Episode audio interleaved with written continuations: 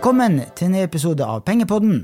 Nå skal du få høre en samtale jeg, Bjørn Erik Settem, hadde med Bjørn Måseide, investor og tidligere sandvolleyballproff, på Nordnett investorkveld i Stavanger i slutten av september. Temaet var investeringsfilosofi, generasjonsplanlegging og utsiktene for Sats-aksjen. God lytt! Mye folk her i dag. Det er det, og vi er jo på din hjemmebane. Eh, tror du at folk flest tenker på deg som tidligere sandvolleyballproff, eller som en forretningsmann? Jeg tror det er en sånn kombinasjon. Altså, når jeg ser ut i salen her, så er det jo sikkert de som husker at jeg var volleyballspiller, og så ser jeg noen var ikke født når jeg hadde lagt opp. så det er nok en kombinasjon. Sant, for uh, du har gjort det veldig bra i forretningslivet etter din idrettskarriere. Kan du starte med å fortelle kort om reisen frem til Elexia, som seinere ble til Sats? Ja, altså For mange av dere som er her, så, er det, så, så starta det egentlig med sportsklubb. Så var det den lokale kjeden som sloss mot Sats og, og Elixia disse. Og så var vi en god gjeng. Og der vi slo oss først i sammen med Elixia. Og så drev vi det noen år, og oppi dette her så, så ble det jo et sånn finansielt system. Det var mye hjerte og, og driv i det, men, men uh, det er liksom den moderne kapitalismen der det ble solgt og kjøpt. Og, så til slutt så endte vi opp på å fusjonere med Sats. Og de regnearkene på Sats Elixia-sammenslåingen så fantastisk ut. Uh, vi skulle tjene 500 millioner i året, og alt så veldig bra ut. Men det vi undervurderte, det var at det var to selskap som hadde hata en annen i 15 år. Og når du skulle slå dette sammen, så ble det en katastrofe de første to åra. Så istedenfor å tjene 500 millioner, så tapte vi 500 millioner. Og da var det liksom sånn Bjørn, nå må du komme tilbake igjen. Du må lede Norge. Det var det, var det verste. Så jobba jeg der, og Gikk av da 26 måneder seinere. Pendla fra Stavanger til Oslo i Jeg sier 26 måneder, for det var mye styr.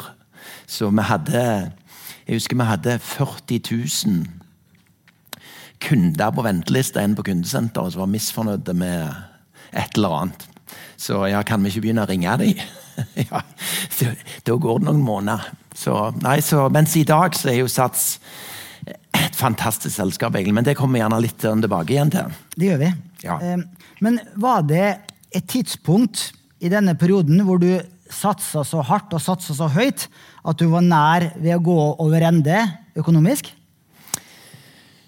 Ja, eller jeg kunne vært. altså sånn så Det som var litt av Jeg tror dere vet alle at uh, uten, uten risiko, ingen avkastning så enkelt og så vanskelig. Og i sportsklubb så var jo jeg en, en ung idrettsutøver så hadde nok ikke det største forholdet til risiko på den tida. Så jeg, en periode så gikk jeg i banken, fikk lånt 40 millioner og pantsatte huset. Og det er klart, hvis timingen hadde hadde jo veldig lite egenkapital. I dag hadde banken bare ledd av meg, sikkert. Men jeg liksom bare kjørte på. Og ja, det ble krevende et par år, men, men så gikk det veldig godt, altså. Men uh, det så, så, hvis korona hadde kommet i den perioden, så hadde du ikke sittet ja. her i dag og vært uh, så velhavende? Ja, men for å si det sånn, dette var da med, i, jeg tror det var i 2006. 2005.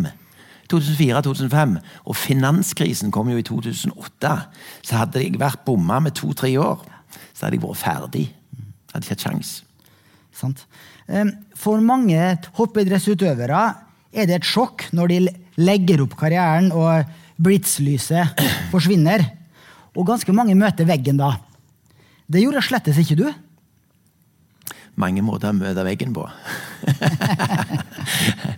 Nei, men, men, jeg hadde en veldig sånn uh, Jeg var heldig, for jeg visste litt sånn jeg kom inn som aksjonær i treningsbransjen. Jeg så, liksom, kom fra USA, studerte der borte, spilte volleyball i USA i mange mange år. Så jeg så treningsbransjen bli, bli til for på en måte vanlige folk. For du vet, på 90-tallet var det jo ofte litt sånn svære bamser som gikk på treningssenter. Og der gjorde jo Sats en fantastisk jobb at de fikk den vanlige mann og dame til å gå på treningssenter. Og det så jeg fra USA og California og tenkte at dette kan bli veldig bra. Så det var litt sånn tilnærmingen. Sant. Eh, og eh, den karrieren du hadde da som profesjonell idrettsutøver, i 15-16 år var det vel, du holdt på for fullt. På hvilken måte har den erfaringa forma deg som forretningsmann? Nei, altså Hvis du eh, Når jeg var 19 år Dere hørte jo litt om flopasningen. Husker dere flopasningen på landslaget? Ja, sant? Det var jo en primitiv måte å spille fotball på. Men eh, det som var meg, når jeg var 19 år, så sa landslagstreneren at Bjørn, da ble jeg proff i Frankrike, i, i, i Nice i Frankrike. Og Da sa landslagstreneren at ja, Måseide kan bare reise, for han kommer aldri på landslaget likevel. Og så er det sånn, ja, så går det noen år, og så, så ble jeg jo ganske god. Eh, så det er jo litt av det som eh, Jeg var gjerne en av de som ble motiverte av når noen ikke har tro på deg. At liksom OK, skal faen vise. Så blir det liksom en sånn greie. Og det er jo eh, liksom den, den staminaen du må ha. Og jeg ser tilbake på volleyballkarrieren min som spesielt tidlig på 90-tallet, slutten på 80-tallet og sånn, i Los Angeles. Jeg trente på UCLA. Om morgenen var vi på stranda. Om dagen gikk vi på skole. Ettermiddagen så trente vi fra eh, vekter, altså tre til seks hver dag. Og så om kvelden så var vi i et parkeringshus nede i Los Angeles og trente servemottak i tillegg. Altså, vi, vi, trente noe helt enormt, altså. Og så er det jo sånn at når du er ferdig i volleyball, så har du jo litt av denne energien skal brukes på, på andre ting. Og da da er jeg sånn I treningsbransjen så tenkte jeg sånn at ok, det som jeg driver med, er jo litt sånn eh, Er du en god eier? Og for meg til å eie treningssenterkjede var ganske god match. Så jeg var ganske vanskelig å konkurrere med, kan du gjerne si. Mm. Du har sagt før, eh, da vi snakka sammen for tre år siden, at du er en seig jævel. ja, det Ja, altså sånn eh, Jeg har hatt eh, ganske bra utholdenhet. Mm. Det er en fordel både i idrett og i forretninger. Ja. Men har du alltid jobba hardt og mye, eller? Kom det i voksen alder? Nei, altså jeg eh, er vokst opp som barnearbeider på Kronen gård. Eh, Rovigen, Malthus og Eivis. Så jeg, jeg har jobba egentlig eh, mens jeg Jeg hadde sånne jobber som jeg kunne jobbe når jeg ikke trente. Så jeg har alltid jobba mye og alltid vært en sånn 24 timers engasjementene med trening, sponsorer, spilling finne, altså Det har gått inn i hverandre, så jeg har vært heldig på en måte. Mm. Kjell Inge Røkke har uttalt at han sover bare fire timer om natta. Cirka. Er du like ekstrem som han, eller? Nei, jeg, jeg har alltid sovet ganske bra. Uh, det, det, hender jo du er i perioder av livet der du opplever motgang og krevende ting. Da, uh, da sover du litt mindre. Og, og, det er jo litt av det, ja. Det er liksom sånn du Det å være en investor og en gründer, det er ikke for alle. Altså, det er liksom eh, det du, du skal ha Du skal ha veldig lyst. Og jeg sier til ungene mine at uh, tenk dere nøye om. For det er liksom det, Hvis du ikke er investor, så er det, liksom, det er ikke sikkert du får den største hytta på fjellet. Men det er ikke sikkert det er så viktig. Du kan ha ganske bra liv for det om du ikke eh, er veldig bemidla. Eh, du starta med å bygge opp en kjede med treningssentre, som vi har hørt. Og de siste årene har du bygga opp et lite finanskonsern bestående av eh, Kraftfinans, Kraftbank og Kraftfondet. Veien er lang fra treningssenteret til finansbransjen. Sistnevnte er jo omfatta av masse reguleringer. Eh, hvorfor finans, og ikke en eh, helt annen bransje? Ja, og, og, så heter det sånn at du har bygd opp, altså vi, vi, vi har bygd opp For det er veldig mange folk som har vært involvert. Og, og jeg sier eh, Kraftfinans og Kraftfondet med rentefondet, som dere sikkert skal snakke mer om, eh, har vært en, eh, en fantastisk historie. Men, men, jeg har egentlig tatt sånn Jeg har hatt liksom, trening, finans og eiendom. Det har vært liksom, mine tre eh, investeringssektorer. Og tre ting er gjerne litt mye, men det har vært sånn Eiendom har vært fornuftig å vært investert i. Trening vokste jeg opp med og hadde mye peiling på. Og så tenkte jeg egentlig, når vi begynte med Kraftfinans for mange år siden, så tenkte jeg ok, det å sette seg inn i å skape avkastning for penger på pengene, det var fornuftig. Og da tenkte jeg ok, la meg se hva vi kan få til her. Men det er enorme reguleringer, det er stor risiko og stor krav til skikkelighet. Og det eh, føler jeg vi har fått til. Sant. Ehm, og eh, en del i salen her vet kanskje at eh, Nordnett og Kraftfinans har et samarbeid.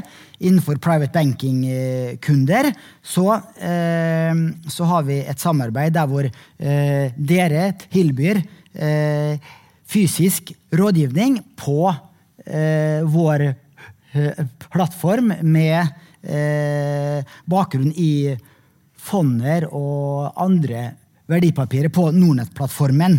Eh, og da kan de av våre kunder som vil ha fysisk rådgivning, kan kontakte dere.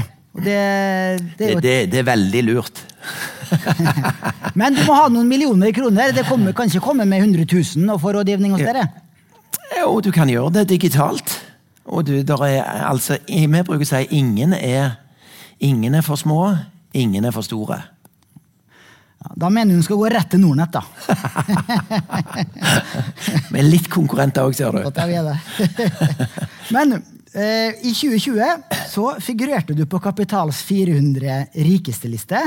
Da var du oppført med en formue på 1 milliard. Jeg vet du ikke liker å snakke så mye om egne penger, men gjør det likevel. Du kan ikke stikke av nå. så da var du på 348. plass. Men de siste tre årene Bjørn, så har du ikke vært å finne på den listen. her. Så eh, Listen for 2023 ble offentliggjort i forrige uke. Og nummer 400, den nederste på lista, hadde 1,05 milliarder. Så enten så har din formue falt eller stått på stedet hvil siden 2020, eller så regner Trygve Hegnar feil. Hva er riktig? Nei, jeg tror gjerne det riktige er at han regna gjerne feil når jeg var på lista òg. og, så, og, så, er det jo sånn oss idrettsfolk liker jo ikke å være med i konkurranser der vi ikke kan komme opp på pallen. Mm.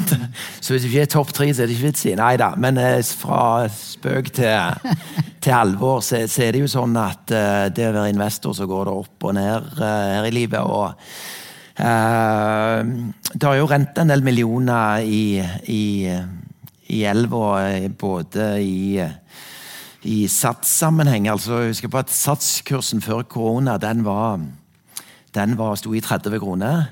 Og så er det sånn da, hvis det, og så sank den ned til var vel nede i 650. Og hvis du har ca. 10 millioner aksjer, da, så er hver krone så taper du 10, så taper du 10 millioner. Eh, og så depper du litt på vei ned, men nå er han jo oppe på 11 igjen, så jeg har sagt nei, depper på vei ned, skal i hvert fall glede meg på vei opp igjen. Så eh, det er liksom en sånn mentalhygiene. Eh, ja, men eh, Altså disse kåringene og sånn. Og, og, det er klart, når du sitter på en eiendomsportefølje, så for det om eh, porteføljen har de leieinntektene, og du er moderat belånt og sånn, så er det klart at når de, leier, når de, regner verdi på en portefølje, så er det sånn Ja, hvis du regner en yield på fem, så har han en verdi. Regner du på åtte, så har han jo en helt annen verdi. Så, så det er klart alle som sitter i eiendom, har fått seg en skrell, og det må man leve med. Men det, men det, er jo penger som du aldri har tatt på, for min egen del. Så det er liksom bare en aktiva klasse som jeg føler du skal ha. For du skal ha litt eiendom, du skal ha fond og uh, og aksje, og så skal du ha litt trening, for trening er megatrend. Mm. Er det ikke det? Jo, absolutt. Men det er ikke like lett å tjene penger på Trust-aksjen, da. Ja, for, nå er det nok lettere. Nå er det nok lettere. Men uh, vi får se. Mm. Men ok, uh, si litt mer uh, om du har 500 millioner eller 900 millioner i formue. Det, det er ikke godt å si alltid. Men hvordan ser det kakediagrammet røftlig ut? I satsaksjer, eiendom, eh, kraftkonsernet og andre investeringer? Ja, altså da ville jeg jo sagt at gjerne det er liksom sånn Store bildet Da ville jeg gjerne delt kaka i fire. Det er masse forskjellige ting her. Og så er det liksom eiendom, aksje og kraftsystemet. Det er litt sånn eh, det store bildet. Men jeg er jo sånn ja, investor, men jeg er jo mer jeg vil sagt jeg er mer enn gründer som har vært med og fått skapt masse virksomheter. Eh, og det er jo et hekkan mange ganger. Altså, for, for, det er liksom sånn eh, Det tar ti år for et selskap Hvis du har flaks og er flink, så tar det ti år for et selskap er blitt et bra selskap. Og det er mange fallgruver. Så jeg tenker sånn, ja, sånn analysemessig så er det svære analysesystem som følger med på trender og alt sånn. Men jeg har mer vært på det å bygge selskapene og liksom passe på at vi er relevante for kundene våre. Det er nok mer meg enn liksom den der kyniske Nei, ikke kyniske, men sånn aksjepikkeren, på en måte. Det, det har ikke vært meg så mye. Du var ikke så konkret nå, men uh, hvis jeg spør deg eh, litt på en annen måte, ja. hva er investeringsstrategien din? Ja, og da ville jeg sagt Hvis du skal kjøpe aksjer eller sant? En del av dere uh, er sikkert inne i forskjellige fond, og det er veldig fornuftig. Finne altså miljø, altså sikkert både Nordnett, men i Kraft så har vi fondseleksjonsmiljø. Finne de beste forvalterne. Eh, og da er jeg eh, litt sånn eh, Så vil jeg sagt at akkurat nå så er jeg vel mer liksom sånn Ha penger i, mer i rentefond. Følge med Når du hører rådgiver, full megatrender. Folk som liksom sier ok, dette er sektorer der det skjer god vekst. Så er det utrolig vanskelig å lykkes på liksom enkeltaksjer og sånne ting, ville jeg sagt. Mm. Så jeg vet ikke om det var svaret på spørsmålet ditt. Litt. Litt. Men, men, du har uh, trappa ned risikoen med årene, er det også det du sier? Ja, jeg er nok blitt feigere. For å si det sånn, Jeg hadde ikke pantsatt hus igjen. Nei. Hadde ikke det. så, og, og, så er det jo sånn, nå er jeg 55 år?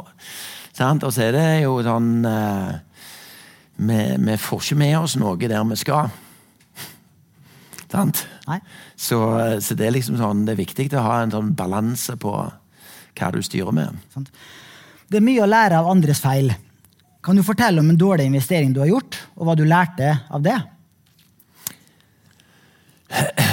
Ja, altså Den dårligste jeg har gjort Sikkert mange dårlige, men, men det, det, er klart jeg, eh, jeg investerte i noe som heter Ludo for en del år siden.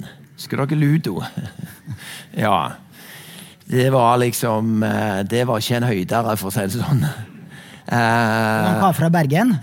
Ja, altså jeg liker ikke å henge ut folk, men, men, det er klart Det er du, Det å Altså Veldig mye av det vi holder på med, jeg sier i Kraftfinans òg, det vi selger, det er tillit. Og det dere investerer i, det er liksom det er tillit.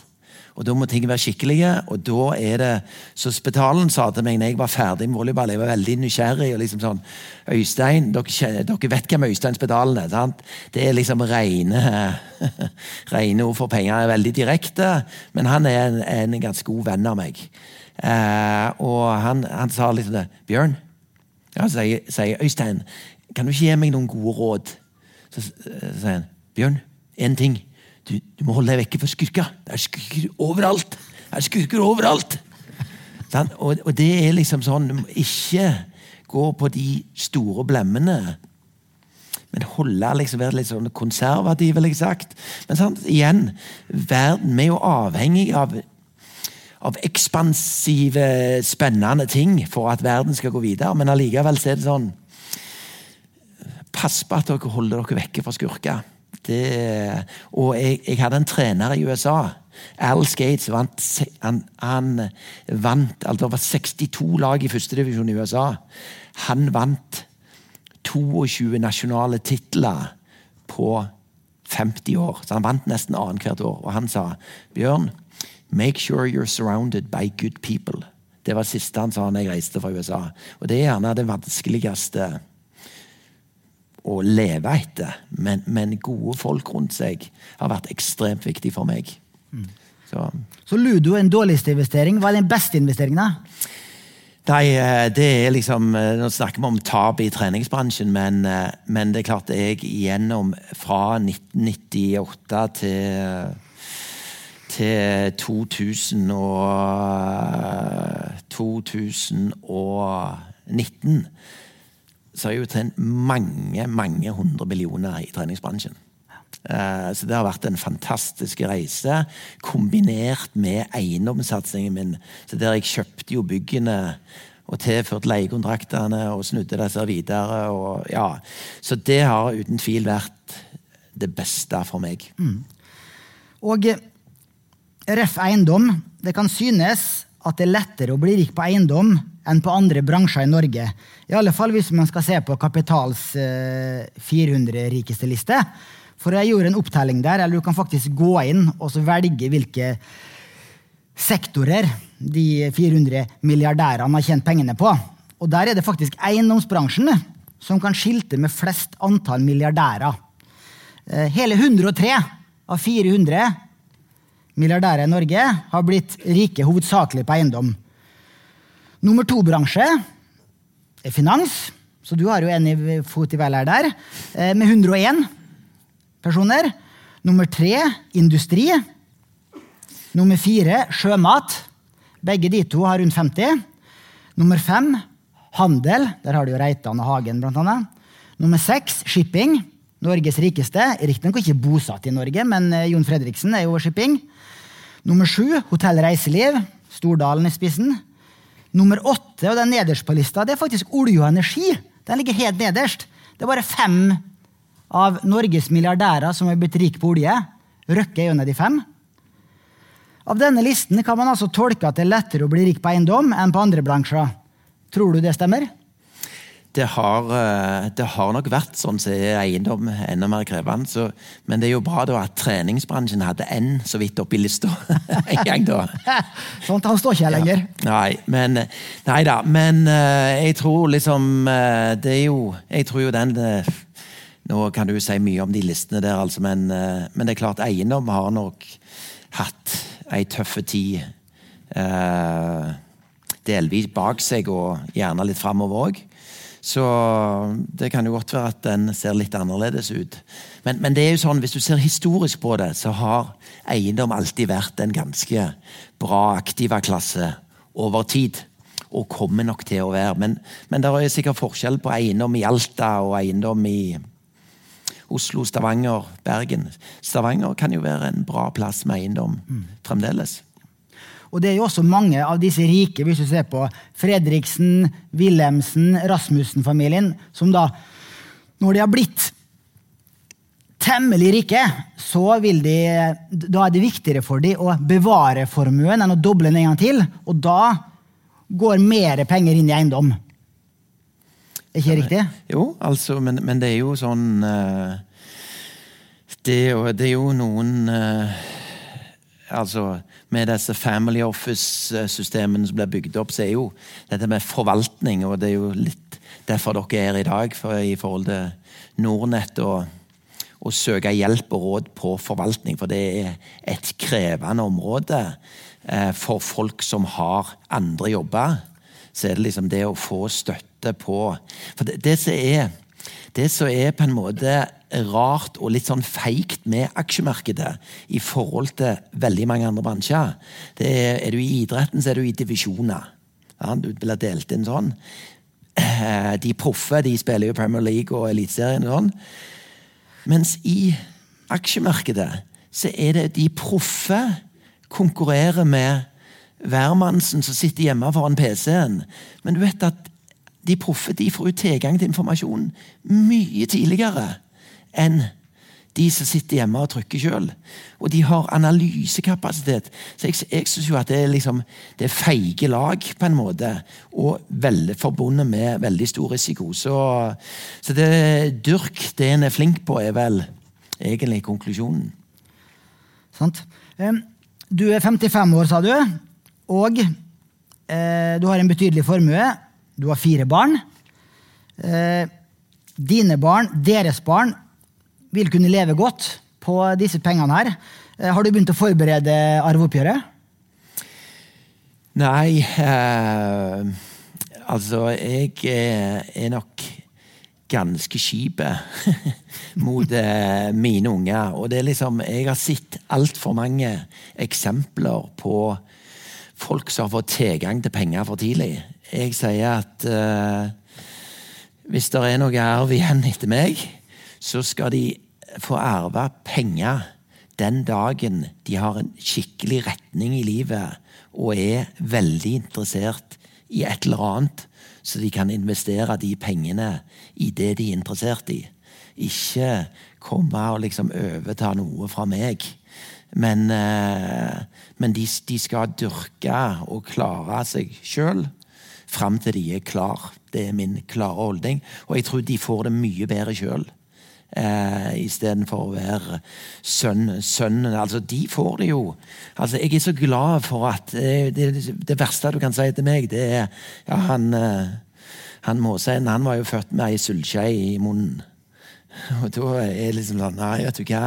Jeg sto i parkeringshuset i Los Angeles og trente sørmottak og tok store sjanser. For, for liksom, jeg tror alle ønsker egentlig å å skape noe sjøl. Uh, og, det er, og så er det sånn med unger de velger jo ikke foreldrene sine. Du blir født, og så kan du si ja, er det en belastning. Ja, det ofte kan det være en belastning. Og det er jo veldig mye ulykkelige arveoppgjør. Og det er jo ja, det er jo det som er Du trenger den kapitalen til å bli iverksatt nedover, sånn at du får skapt nye gründere og nye millionærer og det private in initiativ Ja, nei, men jeg skal, ble mye her nå. Du, ja, altså, du er litt brutal. Eh, Du er nesten like brutal som vennene til mine foreldre, som eh, også var ganske godt bemidlet. De sa, eller han Faren der sa det at eh, når jeg dør, skal mine barn føle ekte sorg. Det skal ikke være så mye som ei krone igjen! ja. Og det er, det er for øvrig et eh, kinesisk ordtak som, eh, som sier det at rikdom passerer ikke mer enn eh, tre generasjoner. Så da har du Ja. to generasjoner igjen, da, så er pengene borte. Ja, det er, og, det er, og, og det er jo, syns jeg, er jo liksom det fantastiske med det kapitalistiske systemet. Det er liksom det ble skapt, og så er vi litt irriterte på andre generasjon, for de har fått det gratis. Og tredje mann, de, de suller det vekk, og da, det nyter vi jo litt. Sant? Ja, hva var det jeg sa? Han også begynner på ny igjen. Og, og jeg tror Stavanger er jo et eksempel på kapitalismen satt i et veldig bra system. Hvis vi ser fra sant, altså, vi ser fra skipsbygging, fra silda Kjøleskapet kom, slo altså Det har vært konkurs på konkurs. De forskjellige fasene med båtbyggingen på Rosenberg, og så oljekrisen, og begynte å bygge oljeplattformer. Og hele veien så kom det nye kull med forskjellige som slo seg til. Ja. Eh, så nå tar jeg deg eh, Du spurte jo dette spørsmålet, men, men, men det er jo litt sånn i Stavanger så har vi jo nesten ikke gamle penger. Det er, jeg bruker å si, det er liksom Smevik-familien er gjerne det eneste. Ellers er det Ja. Ja, det er sant det, for på den lista, eh, kapitallista, så kan du også søke på kommune. Mm. Eh, Unnskyld, på fylke. Og der, eh, der er jo eh, Lærdal, Stavanger, eh, Ertvåg, Veen, Øgreid, Rugland, Espedal, Jacobsen.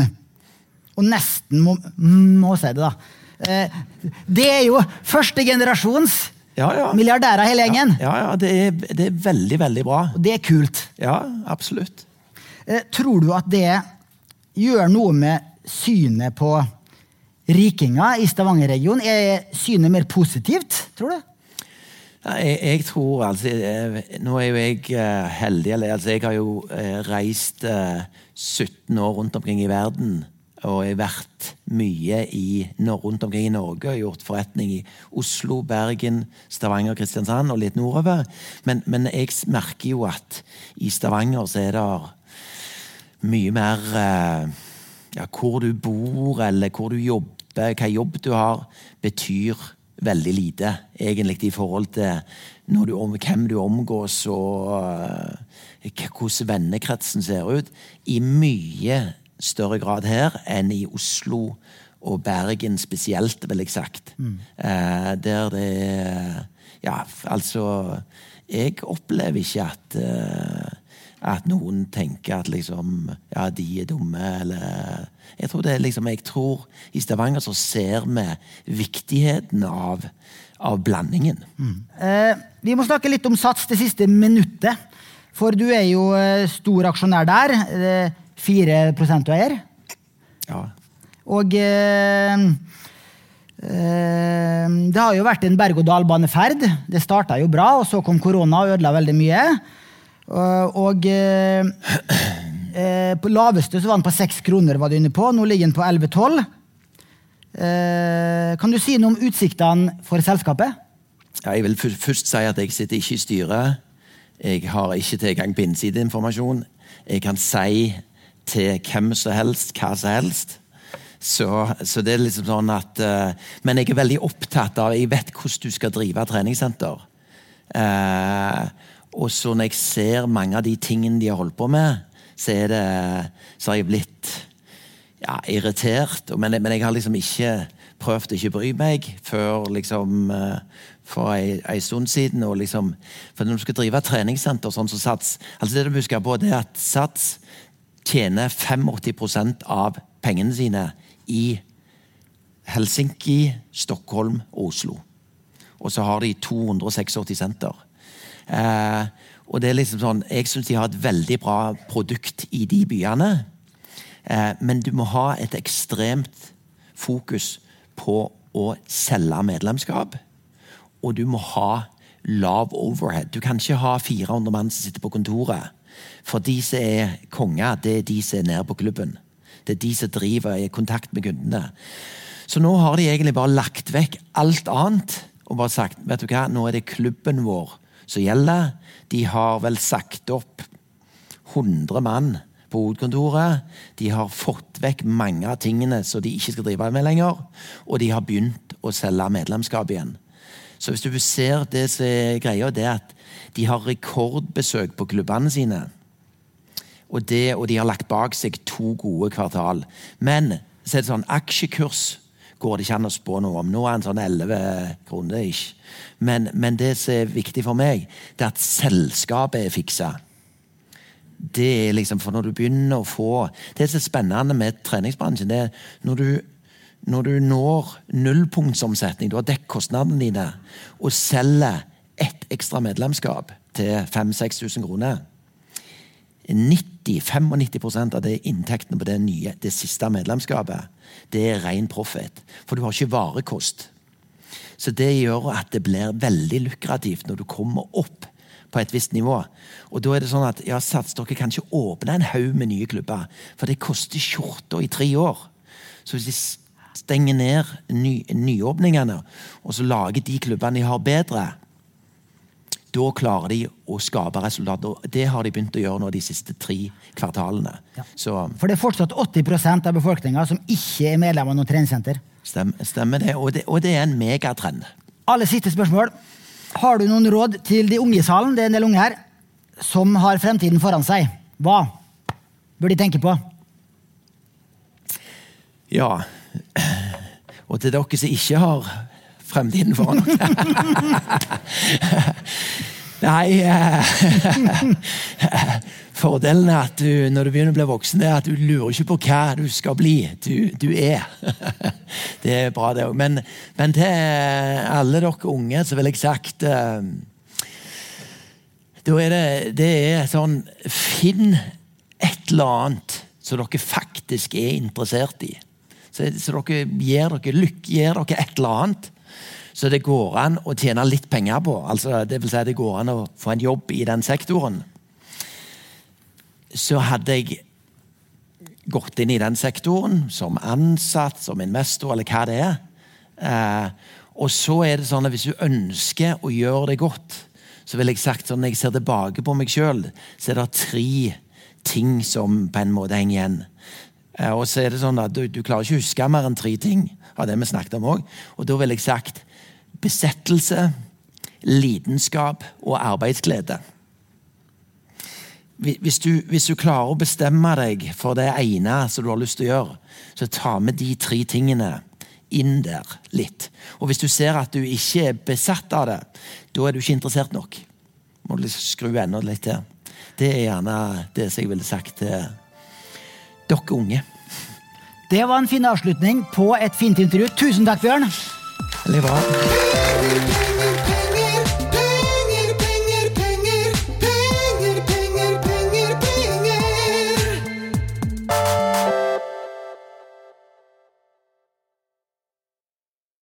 Denne podkasten skal anses som markedsføringsmateriell, og innholdet må ikke oppfattes som en investeringsanbefaling. Podkasten er kun ment til inspirasjon og informasjonsformål. Nordnett tar ikke ansvar for eventuelle tap som måtte oppstå ved bruk av informasjonen i denne podkasten. Les mer på disclaimer på nordnett.no.